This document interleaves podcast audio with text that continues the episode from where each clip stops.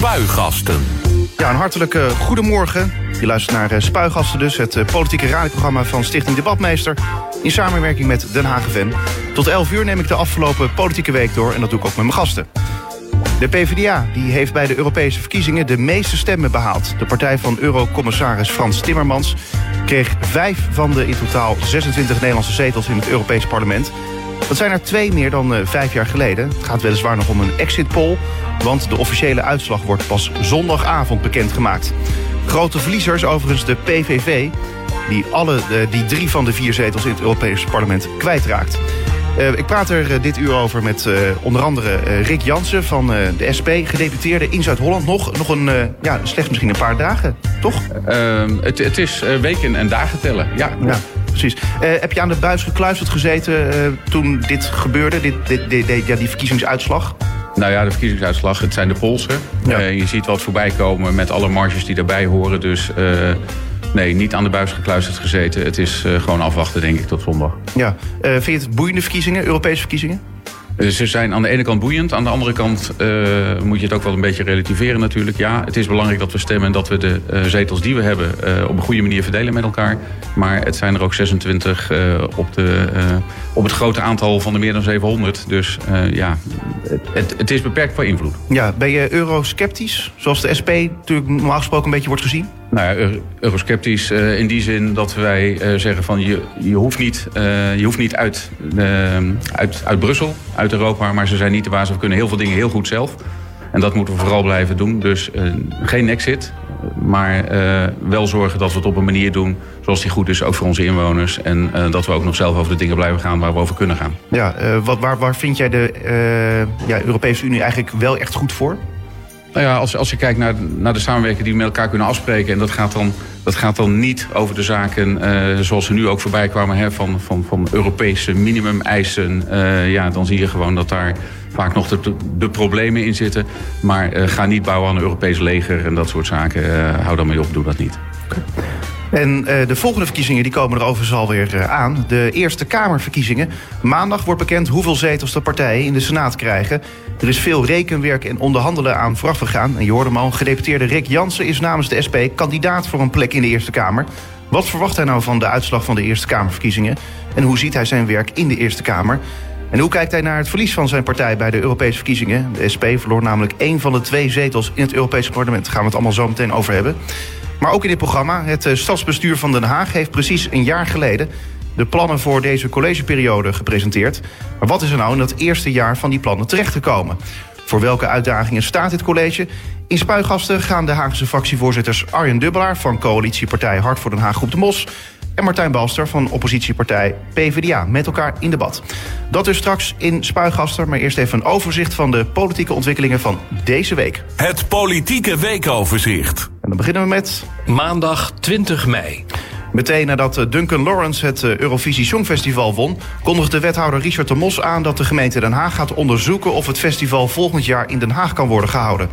Maar er zitten nog wel wat nodige haken en ogen aan, zoals dat wordt gezegd. In samenwerking met het World Forum in, uh, is Den Haag aan het onderzoeken of er bij het ADO-stadion een overkapping of een grote tent op het Malieveld kan komen. In de tent van Lowlands kunnen bijvoorbeeld 15.000 mensen.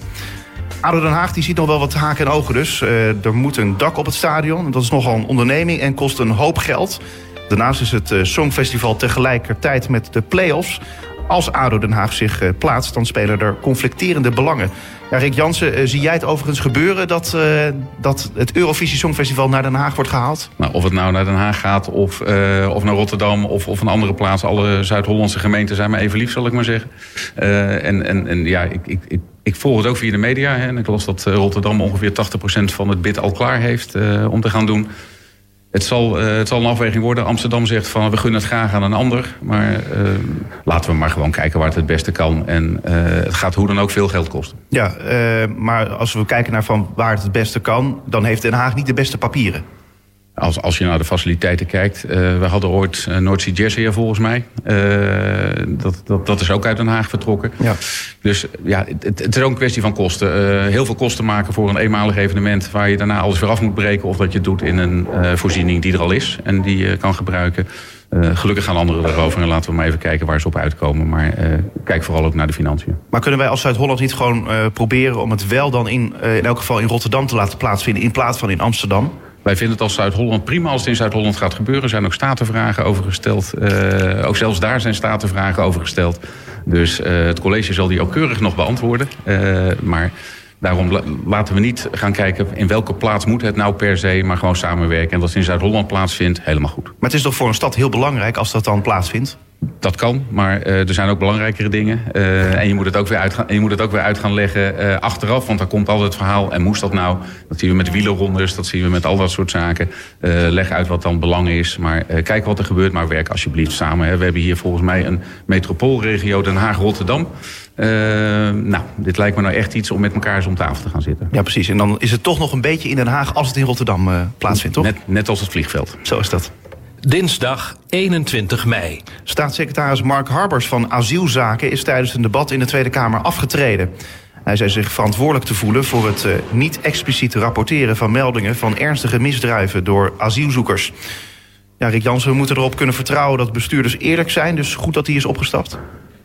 Nou, die, combinatie zie ik niet helemaal. Of, tussen eerlijk en, en opstappen. Wat ik, uh, zoals ik het gevolgd heb, dat wat heb ik gevolgd. Uh, wat ik gezien heb, is dat hij gezegd heeft: ik neem mijn verantwoordelijkheid wat er onder mijn, voor, voor, wat er onder mijn bestuurlijke verantwoordelijkheid gebeurd is. En dit had anders gemoeten. Hij heeft nog de moeite genomen om dat goed uit te leggen, denk ik. En ja, dat je dan bestuurlijke verantwoordelijkheid neemt, dat vind ik te loven. Hè. Er is te veel sorry-cultuur al. We hebben dat natuurlijk in Zuid-Holland recentelijk ook meegemaakt... met mijn collega Halm Weber, die, uh, die opgestapt is.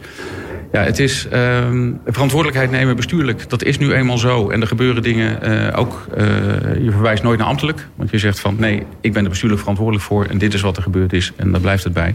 Dan moet je ook niet uh, erover gaan hebben... ja, maar zij hebben het gedaan en, ja, nou moet ik weg en dat is zielig. Nee, dat hoort bij een bestuurder. Ja, nou zie ik inderdaad ook die parallel tussen Harbers en Weber.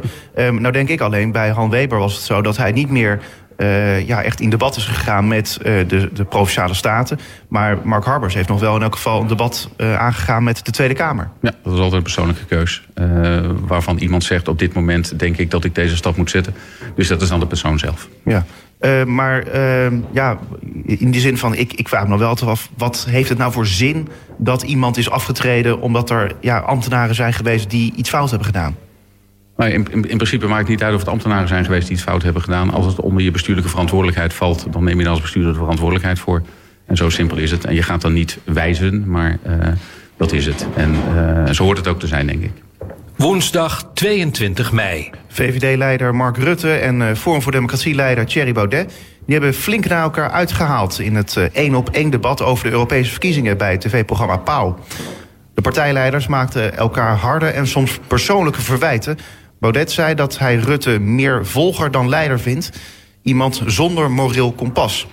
Rutte die noemde zijn tegenstander een Rusland-knuffelaar... en wilde weten waarom Baudet met allerlei extreme teksten komt. Debat gezien?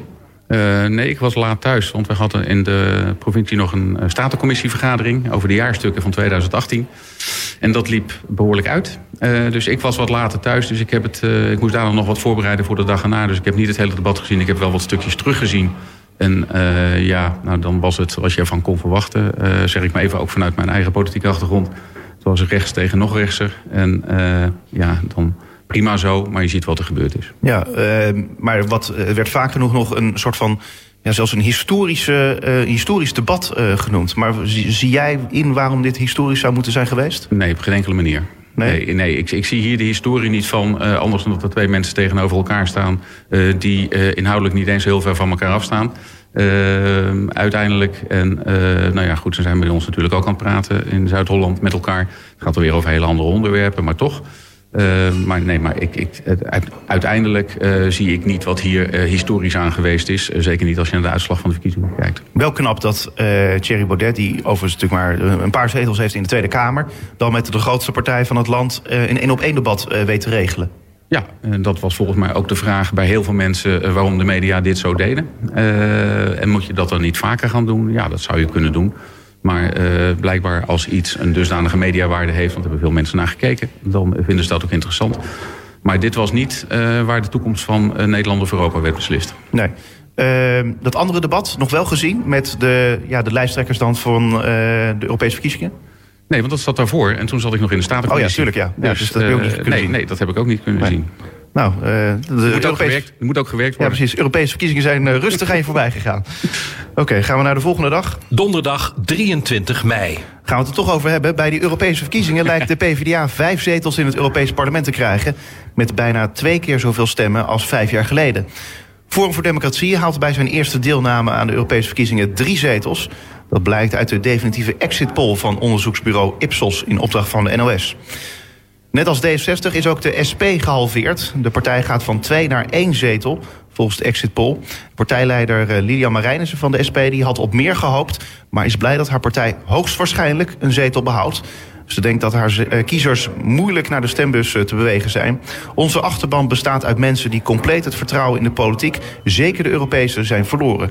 Ja, Rick Jansen, de, misschien dat het beter is, had, had ze beter kunnen zeggen... dat de achterban van de SP het vertrouwen in de SP is verloren.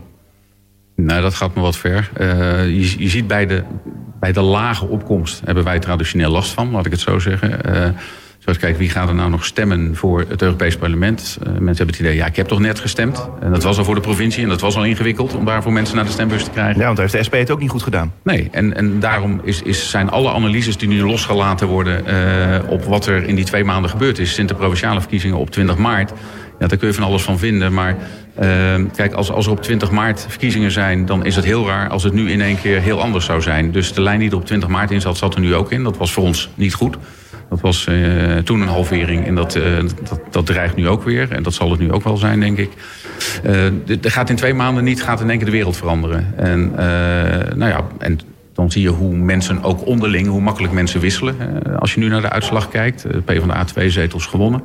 Ehm, ja, ligt dat dan aan dat de PvdA in één keer een hele, een hele andere koers is gaan varen? Nee, dan kun je toch denk ik zien dat het, het, het de landelijke bekendheid van... Eh, er was één lijsttrekker met landelijke bekendheid. Dat was Frans Timmermans. Dat zie je ook nu in de analyses wel terug... dat dat toch wel heel erg meegespeeld hebben. Dat mensen op Frans Timmermans hebben gestemd. Uh, en niet op eh, de PvdA per se, maar Frans Timmermans. Ja, dat speelt dan mee. En de rest was vooral heel erg bekend binnen hun eigen partij... en wereldberoemd in Brussel, maar, uh, maar niet in de rest van het land. Nee, maar heb je wel ook de analyse nu voor jezelf helder... waarom de SP nu in een soort dal zit? Ja, dat, dat, dat, dat heeft te maken. Ik, ik, ik zat net nog even wat te lezen en dat, uh, dat zag ik een uitspraak wat wel, uh, wat denk ik wel aanspreekt. Dat is dat op dit moment uh, Forum voor Democratie voor Mensen de betere middelvinger was. nou, dat, wij zijn wel van, van de kritiek. En, en, mensen proberen dan wat. en we zien dat de, de, de, proteststem die veel mensen uitgebracht hebben, zo moet je het ook zien, denk ik. En zo hebben veel mensen het ook verwoord. op 20 maart dat dat nu toch, uh, ja, nu toch ook alweer minder is. Uh, en dat het ook niet de uitslag was waar zij op gerekend en gehoopt hadden... en die ook voorspeld was. Dus het, het, uh, de kritiek, als de kritiek van meerdere kanten komt... dan is het misschien wel zo dat de mensen eens wat nieuws proberen. Maar, maar wij zullen ongetwijfeld ook weer zelf gaan kijken wat er beter kan en wat er anders moet. En dat zullen we ook blijven doen. Maar iedere partij gaat eigenlijk wel door zo'n fase heen. Of het nou D66 is of CDA, kunnen we ons allemaal nog herinneren. Iedere partij gaat door zo'n fase heen. Ik herinner het mezelf nog van de SP uit... voor de verkiezingen in 2010 hadden we ook zo'n periode. Stonden we net voor de Tweede Kamerverkiezingen nog op vijf zetels in de peilingen, geloof ik. Werden er, het was ook de wisseling van Agnes Kant naar Emiel Roemer. Dat werden er toen nog 15. Er zitten altijd van die fases in en de wereld verandert in een hoog tempo om ons heen. Dus uh, dat vraagt ook wat van partijen. Ja, dus misschien uh, zou je ook achteraf kunnen zeggen dat bijvoorbeeld de SP heeft deze campagne een soort van anti-campagne gevoerd met het filmpje van Hans Brusselmans. Uh, die natuurlijk enorm leek op Frans Timmermans, ja. maar waarvan het niet werd toegegeven door de SP. was dat misschien gewoon achteraf gezien niet zo'n goede zet?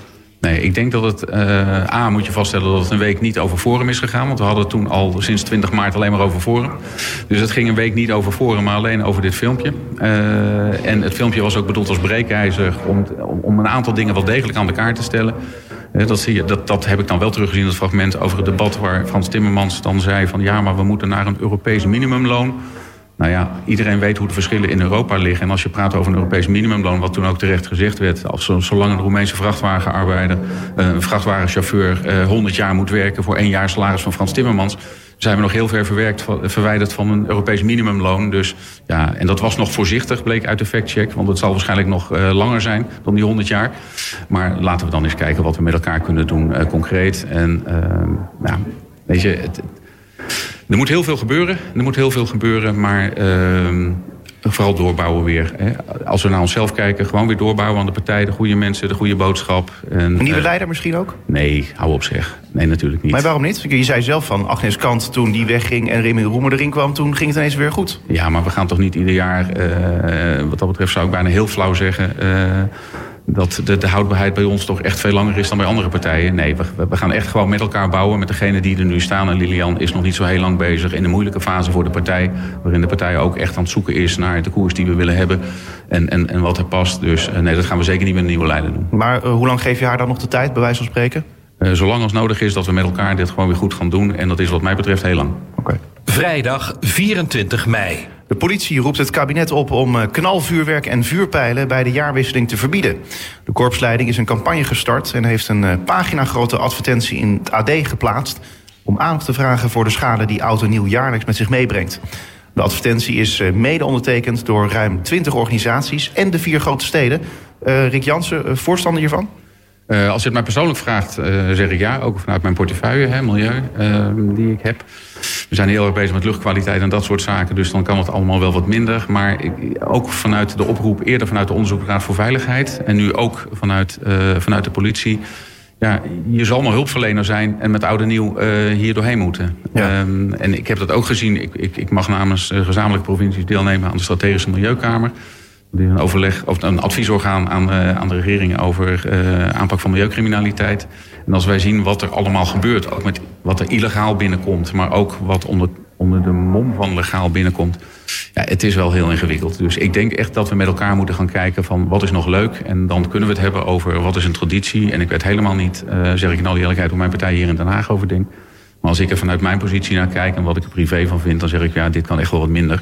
Dus laten we eens kijken of we dat op een goede manier kunnen doen. En dat we de mensen die we nu altijd moeten inzetten om dit te bestrijden, dat we die een stuk makkelijker maken en ook opkomen voor onze hulpverleners. Want daar moet echt wel het een en ander aan gebeuren. Zaterdag 25 mei. Met een uh, klinkend resultaat bij de Nederlandse stembusgang kan uh, Frans Timmermans terug naar Brussel. Zijn partij heeft het met misschien wel zes zetels niet alleen boven verwachting goed gedaan. De PvdA is ook nog eens de grootste geworden. En dat betekent dat Timmermans een belangrijke slag heeft gewonnen in de strijd om de volgende voorzitter van de Europese Commissie te worden. Dat schrijft Ruud Mikkers in een analyse in de Telegraaf.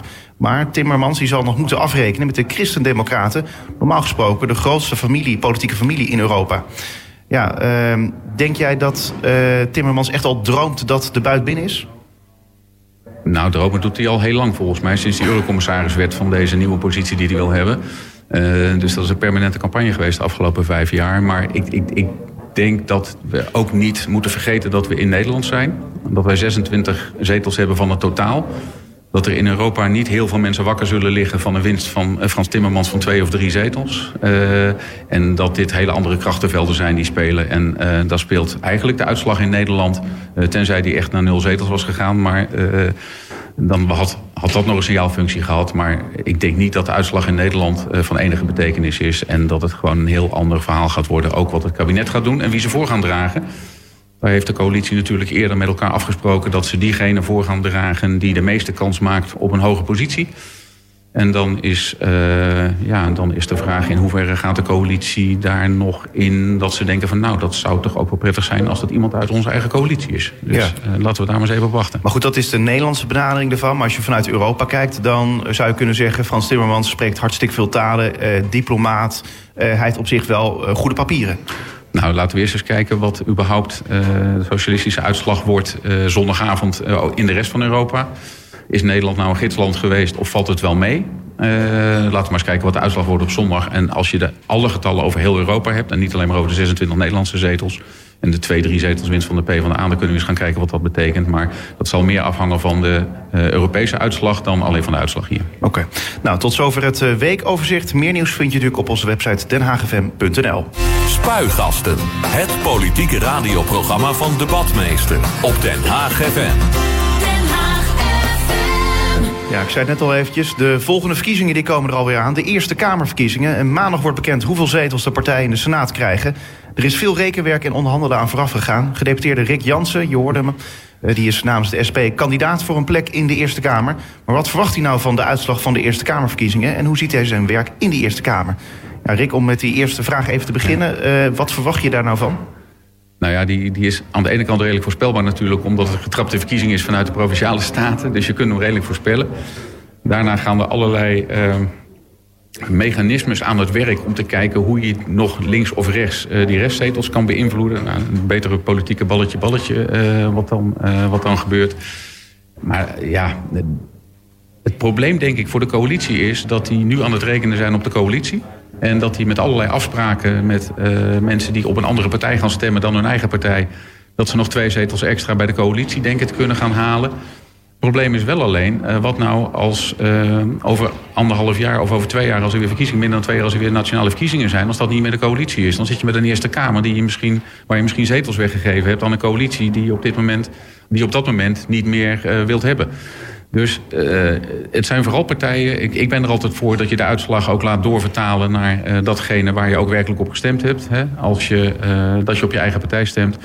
En als, dat, als mensen daar weer allerlei rekenmodellen op los gaan laten... door VVD'ers op D66 of CDA'ers op de VVD te gaan laten stemmen... ja, be my guest, maar laten we kijken wat eruit komt. En of dat dan het goede systeem is, ja, zo werkt het. Maar of je dat moet willen is een tweede. Ja, jullie voeren binnen de SP niet een bepaalde campagne... om op die of op die te stemmen? Nee, bij ons is het heel simpel uh, dat we gewoon op onze eigen partij stemmen. En uh, natuurlijk word je wel aangesproken als je nog ergens wat rest, uh, of reststemmen hebt... of je die niet in wil zetten voor iemand anders... Weet je, laten we het gewoon maar even ophouden dat wij gewoon bij de SP... en ik denk dat we die stem ook hard nodig hebben... Gewoon op onze eigen partij stemmen. Ja, nou is het bij natuurlijk die Eerste Kamerverkiezingen zo... dat het nu heel erg politiek wordt gemaakt... omdat het natuurlijk echt afhangt van of de coalitie wel of niet... ja, nog eigenlijk door kan gaan in de Tweede Kamer dan. of het nog ja, bestuurbaar blijft, Nederland... Uh, terwijl eigenlijk de Eerste Kamer bedoeld is om uh, wetten te controleren of ze wel uitvoerbaar zijn, of, het, ja, of die wetten wel kloppen. Ja. Eigenlijk een beetje vreemd, toch?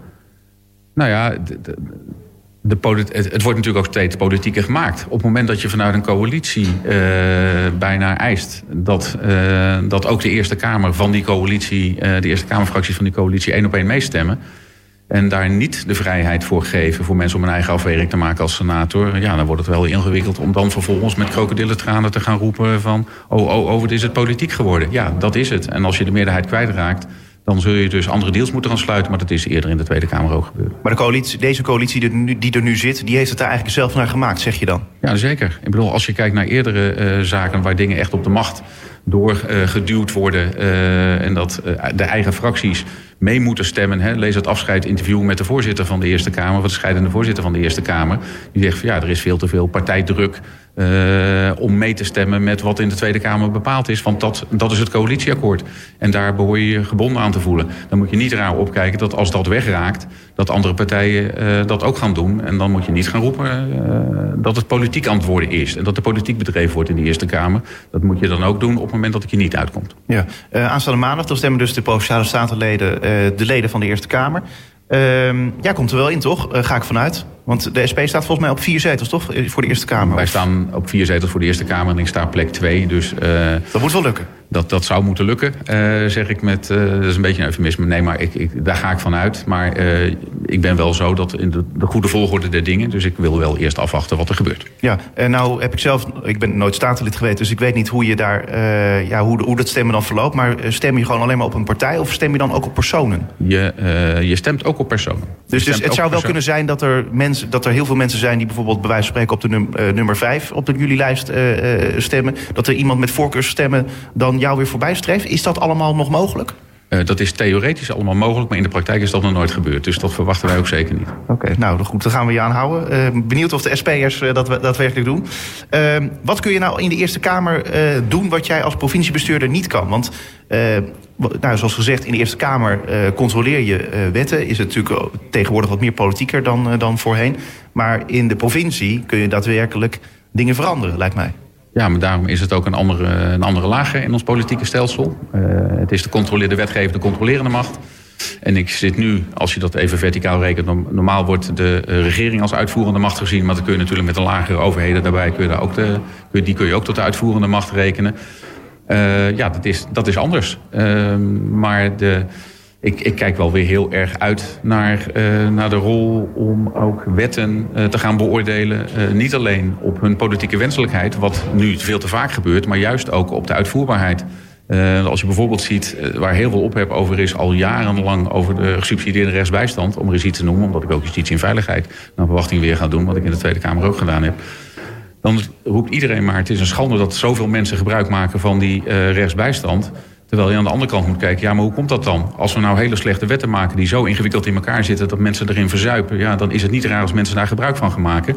Dus begin dan niet onderaan de trap te vegen uh, waar mensen uh, in nood zijn... maar begin bovenaan de trap te vegen en zorg dat die wetten gewoon deugen... en dat de mensen ze wel begrijpen. Ja, uh, jij zegt zelf, ja, ik ga, ik ga het niet ja, ervoor zorgen eigenlijk dat... dat dus ik ga er eigenlijk voor zorgen dat, dat die wetten worden gecontroleerd... op de goede manier, niet heel erg politiek... maar nou zal het toch gewoon zo zijn dat nee. de SP tegen dit, uh, al die wetsvoorstellen van het, van het uh, nou, misschien niet allemaal, maar wel tegen heel veel wetsvoorstellen van dit kabinet zal stemmen. Toch? Als, er, als slechte wetsvoorstellen zijn waar wij heel veel bezwaren tegen hebben, zeker. Maar het gaat, ik vind dat er echt heel veel of veel te weinig aandacht is voor de uitvoerbaarheid van wetten. En daar heb ik natuurlijk de afgelopen acht jaar in de praktijk heel veel mee te maken gehad dat wetten van, te veel vanuit de uh, politieke wenselijkheid worden geschreven en te weinig vanuit de uitvoerbaarheid. En dat bijvoorbeeld ook adviezen van de Raad van State, hè, die altijd van tevoren gevraagd worden, verplicht uh, over wetsvoorstellen. Dat die te vaak en dat die, uh, genegeerd worden. Dat is eigenlijk al bij het eerste kabinet Rutte begonnen. Dat, dat je heel vaak een advies van de Raad van State krijgt die zegt, nou, ik zou het zo niet doen. Zeggen nou, kan de Raad van State wel vinden, maar doen we lekker toch. Maar, de, maar is het nou echt serieus zo dat jij, dat jij zoiets hebt van... woehoe, we gaan uh, de uitvoerbaarheid van wetten controleren...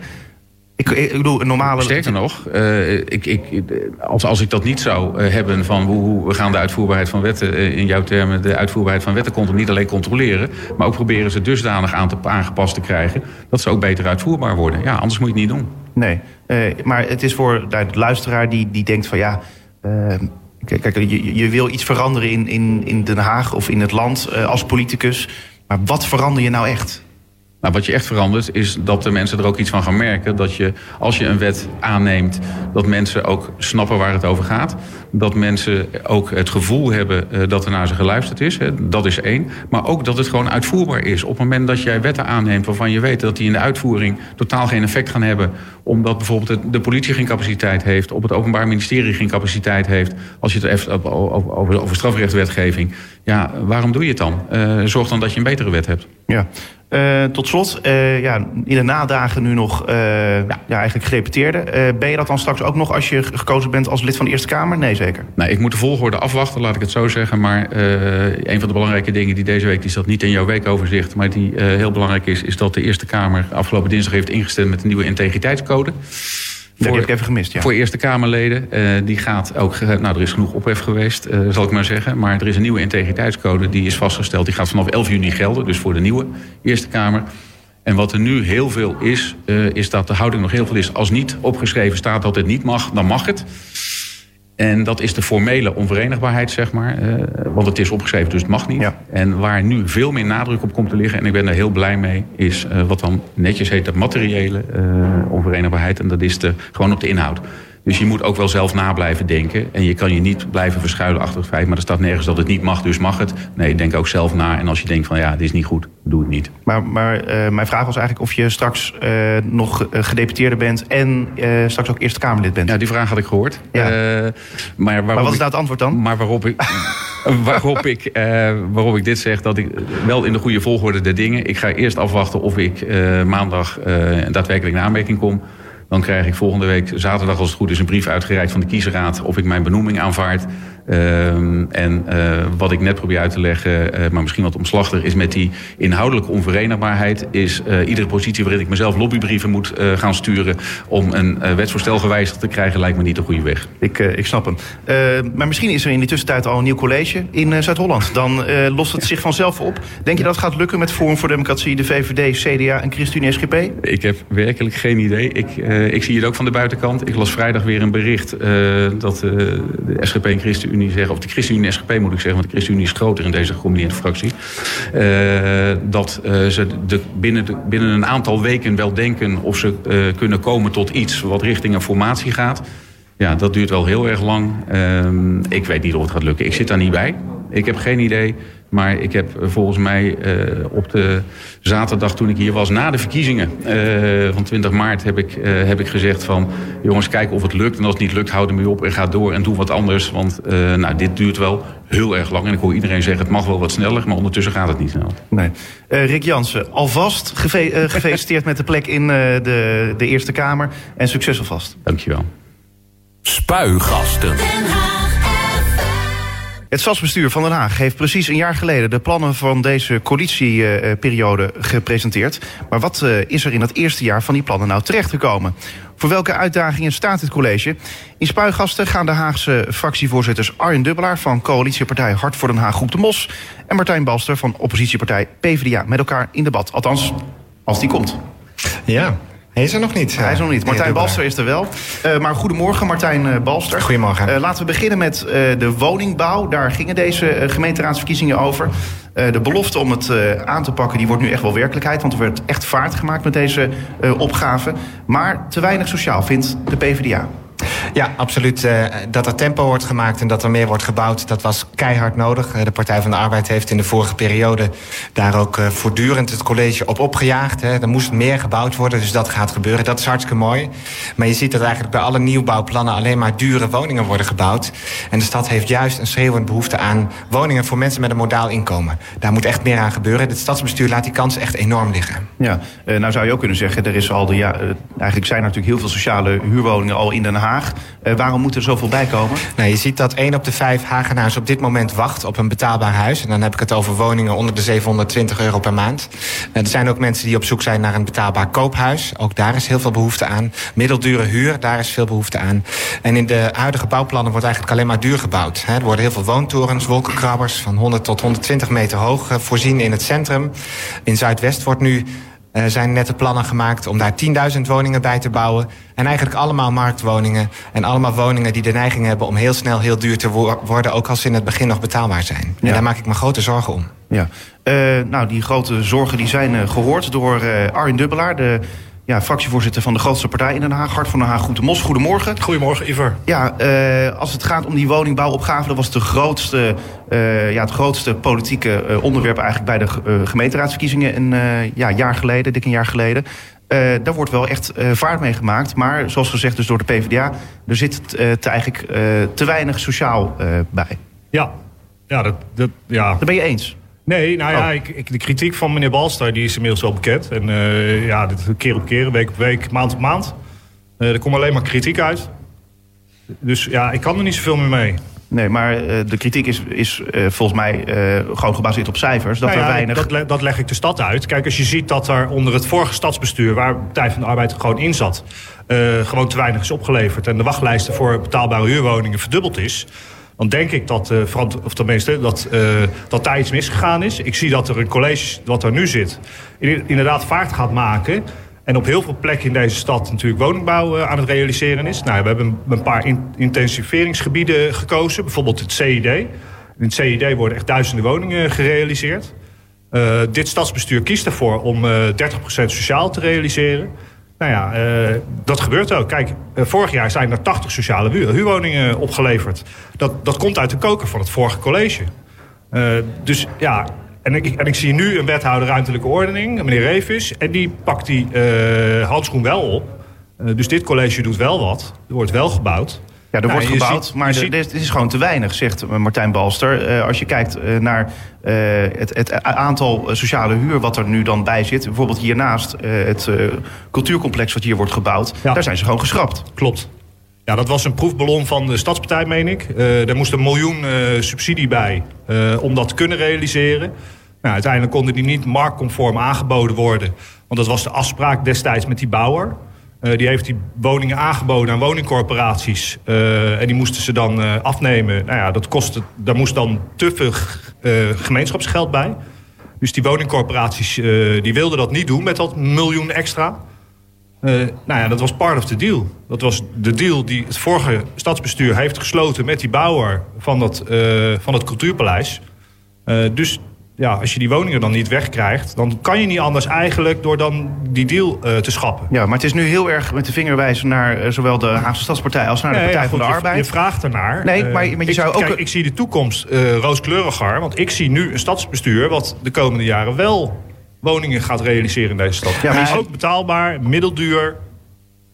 Ja. Kijk, eigenlijk zien we dat de hele tijd. Hè. Er komen nu bouwplannen los. Dat is mooi. Hè. We zijn na de crisis. Er is ontzettend veel belangstelling ook van projectontwikkelaars om te bouwen. Dat is hartstikke mooi. Er is ook niemand het over oneens. Maar er wordt niet betaalbaar gebouwd. En daar is een schreeuwend behoefte aan. Haag is een verdeelde stad van oudsher. Die verschillen moet je overbruggen. En dat doe je met woningbouw. Door echt heel hard te eisen dat 30% sociale woningbouw is en betaalbaar. En 20% middelduur. En bij elk plan dat het stadsbestuur presenteert, worden die percentages bij lange na niet gehaald. Wij mogen dit stadsbestuur bestuur daarop aanspreken. En iedere keer als je de groep de Mos daar kritisch over bevraagt... gewoon op de inhoud met feiten en cijfers... dan wordt er met de vinger gewezen naar anderen. Het zijn altijd andere partijen. Het zijn de partijen in de stad die het fout doen. Maar waar zijn de bewoners in dit verhaal? Bewoners die nu echt soms twintig jaar wachten met een gezin op een, op een woning om ergens naartoe te kunnen. En als je dan ziet dat in Zuidwest straks alleen maar dure woningen komen, terwijl er echt een behoefte is aan gezinswoningen met, voor mensen met een modaal inkomen, de groep waar de groep de Mos ook voor leek op te komen, uh, althans als je het verkiezingsprogramma van de groep de Mos uh, las. Ja, die groep wordt gewoon hier echt keihard in de steek gelaten. Ja. En dat zijn echt keuzes van dit stadsbestuur. Arjen Dubbelaar, wat zegt u dan tegen die bewoners uh, die graag een, ja, een, een nieuw huis willen krijgen, maar daar, geen, daar, is geen ruimte voor? Nou, je ziet dat bijvoorbeeld. nou, we hebben het net over dat Spuiforum. Die 80 huurwoningen hiernaast, zeg maar, die dan geschat zijn. En tegelijkertijd staat in diezelfde brief dat die woningen 500 meter verderop bij het Rijksdagsplein wel gerealiseerd. Maar die zaten al in de plannen van het vorige college. Dus dat is, ja, dat is een beetje krijg, de stad voor de ja. gek houden. Hè? En u noemde het al. 90 van de, van de uh, 4000 woningen op dit moment in aanbouw is sociaal. Als je daar de sociale marktwoningen bij telt, zijn het er 180. Terwijl we altijd het uitgangspunt hebben met elkaar om 30% sociaal te bouwen. Omdat mensen met een modaal inkomen ook in onze stad moeten kunnen wonen. En waar moeten zij straks heen? Dat is Ik toch weet ook, het echt niet meer. Dat is toch ook uw achterban, uh, Klopt, Dubbelaar? Klopt, en daar zijn we ook keihard voor aan het werk. En dan zie je dus dat die 80 sociale huurwoningen die hiernaast geschat zijn... uiteindelijk toch gerealiseerd worden 500 meter verderop. En die zaten al in de plannen van het vorige college ja, notabene. Hè? Dus dat is een beetje de stad voor de gek houden. Meneer Lingen, maar ik ben die kritiek van de Partij van de Arbeid echt helemaal zat. Ja. Uh, want als je ziet wat de afgelopen decennia uh, nou ja, mis is gegaan... dan, nou ja, goed. Ik, ik, maar, maar je zou ook als heel veel moeite mee. Kijk, nu doet hij het weer, hè? Het is weer met de vinger wijzen ja. naar andere partijen, weer naar het verleden wijzen. Maar u zit, eens, nu, u, zit nu op de bestuurs, u zit nu op de bestuursstoel, meneer Dubbelaar. En u kunt nu het verschil maken. U kunt bouwen voor mensen met een modaal inkomen. Dat zijn keuzes. Nou, leg het even uit, ja, Art Dubbelaar. Nou ja, fijn. Je ziet dat die keuzes ook gemaakt worden. Dat er dus woningen gerealiseerd gaan worden. Hè? Er worden er 80 geschat. 500 meter verderop worden er 120 gerealiseerd. Oké, okay, stil. Je ziet dat het college afgelopen week mooie plannen heeft ge, uh, gelanceerd... bijvoorbeeld voor Den Haag Zuidwest. In Den Haag Zuidwest komt een uh, verdichting. Je ziet dat alle sociale huurwoningen daar dus ook opgeknapt gaan worden. Dat is ook belangrijk, want ik gun iedereen in Den Haag gewoon een goede woning. Nou, daar gaan we woningen bijbouwen. Dan zeggen wij, we willen meer differentiatie in die wijken... omdat het goed is om de leefbaarheid van die wijken naar een wat hoger niveau te brengen. He, dat, daar heeft de onderkant van de samenleving wat aan. En daar heeft die hele grote middengroep die heeft daar wat aan. Want mensen staan inderdaad gewoon jarenlang op wachtlijst. Ja, want... dit college kiest er dan voor om in dat uh, gedeelte van Den Haag... Uh, duizenden uh, middeldure huurwoningen te bouwen... en alle sociale huurwoningen terug te laten komen. En dan hoor ik nog kritiek. En dan ja, denk van... ik bij mezelf, ja, van welke planeet kom je dan? Maar ook, die ook... wijk heeft dat echt kei en keihard nodig. Ook hier is de ja. kwestie van het eerlijke verhaal vertellen. De, de heer Dubbelaar vertelt er niet bij dat de huren van de sociale woningen... die opgeknapt worden of herbouwd worden, straks omhoog zullen gaan. En dat maar de vraag is of mensen terug maar hoe kunnen weet, hoe en mogen keren. Omdat als, als woningen opnieuw in de markt worden gezet met dezelfde oppervlakte... zijn ze duurder. Ze zijn dan ook beter geïsoleerd. De energierekening gaat omlaag. Maar we zien elke keer in de stad waar dat gebeurt... gaan de huren omhoog. En dat mensen lang niet altijd terug kunnen... Uh, keren of mogen keren. Maar als, de, als de huren omhoog gaan uh, en je energierekening weer omlaag gaat... dan ja, is het toch weer break-even? Dat dus... zou mooi zijn, maar vaak zie je in de praktijk... dat die huren meer omhoog gaan uh, dan je per saldo terugkrijgt via de energierekening. Maar wat de heer Dubbelaar er ook niet bij vertelt... is dat van elke wo nieuwe woning, van al die 10.000 nieuwe woningen... er geen sociaal zal zijn. Dat betekent dat het percentage betaalbare woningen ontzettend afneemt, terwijl de stad groeit. En één op de twee nieuwe Haagse bewoners heeft een modaal inkomen en heeft dus recht op een sociale huurwoning. Betekent dus dat dit college ervoor kiest om die wachttijd voor betaalbare woningen verder op te laten lopen. En mensen straks dwingt in hele slechte omstandigheden, die je ook ziet toenemen. In de particuliere huursector, in de particuliere huursector zie je steeds meer misstanden. Illegale kamervuur, waar dit college niks aan doet. Um, slechte woonomstandigheden, waar nauwelijks op wordt ingegrepen. Dus eigenlijk zou Den Haag, dat is het dus voorland. Den Haag zou eigenlijk nog meer dan die 30% sociale huur moeten eh, Ja, toevoegen in, aan in ons verkiezingsprogramma stond zelfs 40 procent. je ziet, als je kijkt naar de behoeften, hè, is dat nodig. Maar laten we nou maar eens beginnen met 30 procent. Een eis die het college zichzelf ook heeft gesteld... en waar ze zich absoluut niet aan houdt. Ik maak me echt zorgen over de toekomst van betaalbaar wonen in onze stad. Straks is onze stad niet meer toegankelijk voor mensen met een gewoon inkomen. Ja, Arjen Dubbelaar, je zou kunnen zeggen van... of het nou de PvdA is of de Haagse Stadspartij die het zegt... of een andere willekeurige partij, eh, daar is gewoon vraag naar betaalbare woningen. Daar zijn heel veel partijen het over eens. Ja, klopt. Ook- De ruime meerderheid in de gemeenteraad. Ja. Sterker nog, daar is de, deze coalitie is het daar ook mee eens. Maar dan zou je doen, ziet, hè? en je ziet dat dit college daar hard voor aan het werk is. Hè, We komen regelmatig stukken naar de raad. En dan zie je dat er op verschillende locaties eh, grote aantallen eh, sociale huurwoningen worden gerealiseerd. Eh, en middelduur, want daar heeft dit college natuurlijk ook eh, aandacht voor. Eh, en, want wij willen eh, meer differentiatie in bepaalde wijken.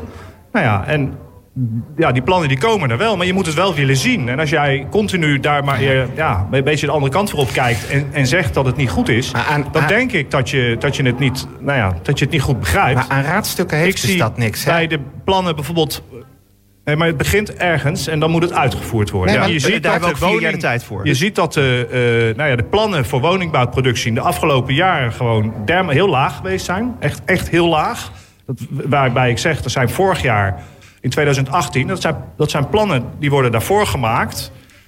En dan zie je dat er vorig jaar 80 sociale huurwoningen zijn Maar opgeleverd. leg dat leg is, dat is gewoon niet zoveel. Het gezin met, met zes, hè, met vier kinderen en op dit moment twee slaapkamers. Met, met tienerkinderen die inmiddels al 15 jaar op zoek zijn naar een betaalbaar huis.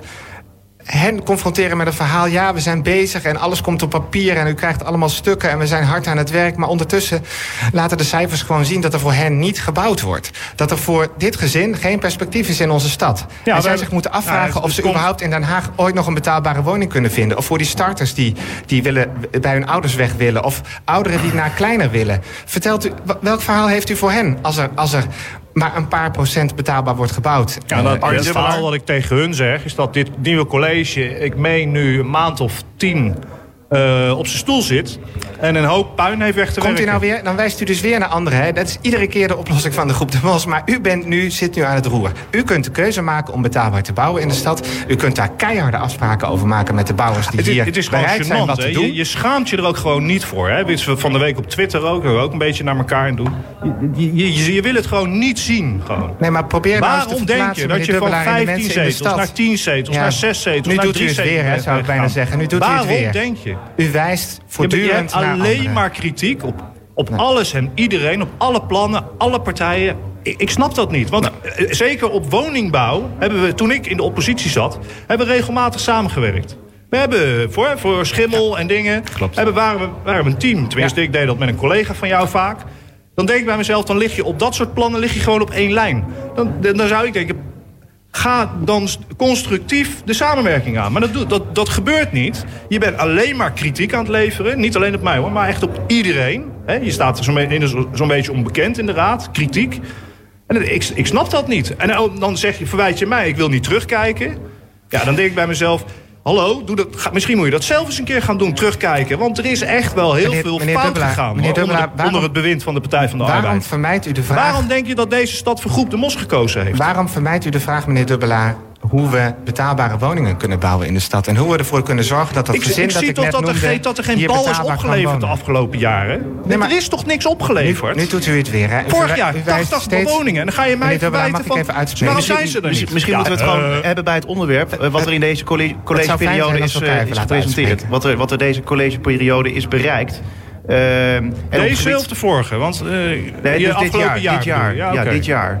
Eh, wat heeft dan deze, eh, dit college nu bereikt voor dit jaar, Arjen Dubbelaar? Wow. Nou, eh, Nou, we- we- daar overval je me nu mee. Nou ja, goed. ik, ik, ik, ik nee, maar op zie... het gebied van woningbouw, daar oh, gaat het nu over. woningbouw. Ja, er zijn heel veel woningbouwlocaties in productie genomen. Ik zie dat er op dit moment op de Laan van Wateringse Veld... Dus bij mij in de hoek, daar worden gewoon nu sociale huurwoningen gebouwd. Kijk, meneer Balsta wilde dat vol stoppen met statushouders. Dat hebben we tegen kunnen houden. Succes van uh, Hart van den Haag Groep de Mos. Daar, dat, die worden nou gewoon nu toegevoegd aan de sociale woningbouwvoorraad. En dan kan gewoon iedereen op, in Den Haag kan daar een kans voor maken. Ja, dat, dat, dat, zijn woningen die in het vorige college bedacht waren. Die zouden ook op termijn sociaal worden. We weten dat er minder statushouders op zoek zijn op dit moment naar een sociale huurwoning. Dus die kwamen daarvoor vrij. Ik ben daar natuurlijk blij mee. op sommige plekken worden er nog sociale woningen uh, gebouwd. Hè. Ik noemde al uh, eh, 90 door een corporatie op 4000 en, en 180 in totaal.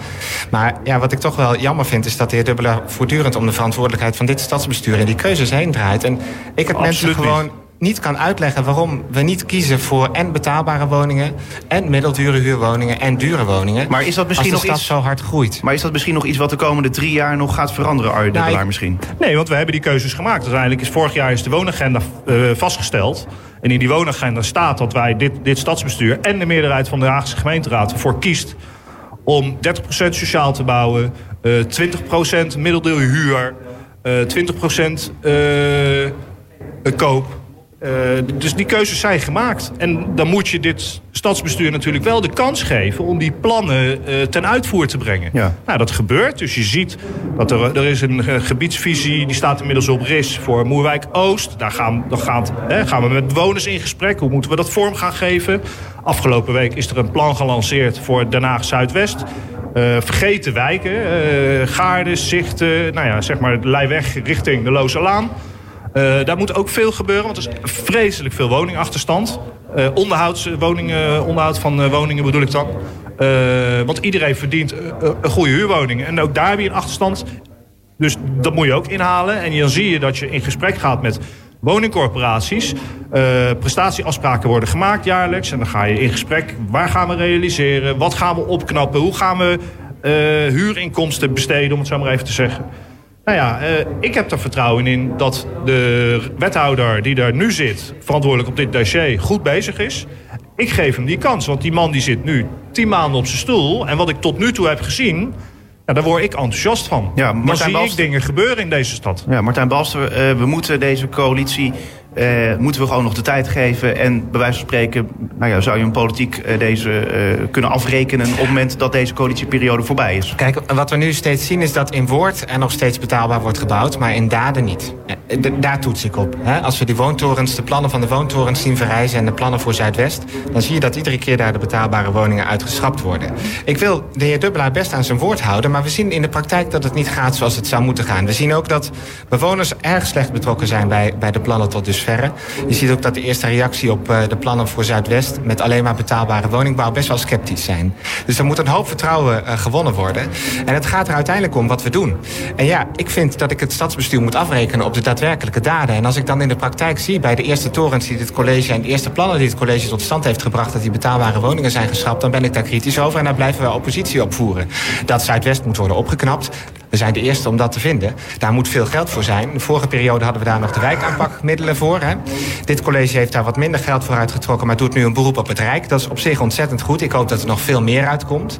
We waren uh, vorige week, twee weken geleden... met de hele raad ook uh, op, zoek in, uh, op bezoek in Zuidwest.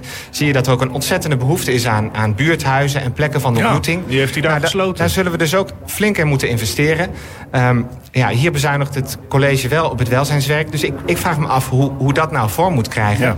Ja. maar, maar dat zijn wel Mooi, zaken waar we de schouders onder moeten Dit college bezuinigt op welzijnswerk, dat, dat benoemt hij dan ja, 20 wel. Miljoen, dat, dat die buurthuizen gesloten zijn, uh, wat is het, vijf, zes, zeven jaar geleden, 50 stuks of zo. Daar, daar hoor je hem nog niet over. Nee. Nou, dus dat, maar dat is wel, ik vind dat wel super kieskeurig in zijn verhaal. En het, gelukkig eh, kan ik daar doorheen prikken? Kan ik het gewoon fatsoenlijk uitleggen op straat? En dat is belangrijk. Ja, als u de argumenten niet meer heeft, gaat u toch weer steeds opnieuw wijzen. Maar ik mag dit stadsbestuur afrekenen op de daden. er wordt 20 miljoen bezuinigd op het ouderen en het kinderwerk. En dat, is, dat gaat grote gaten slaan in, uh, in de stad. Misschien moeten we uh, zorgen dat het vertrouwen tussen Groep de Mos en uh, de PvdA wordt hersteld. Dit was Spuigasten voor deze week. ik dank jullie wel. Arjen Dubbelaar van Hart voor de Haag Groep de Mos. En Martijn Balster van de Partij van de Arbeid.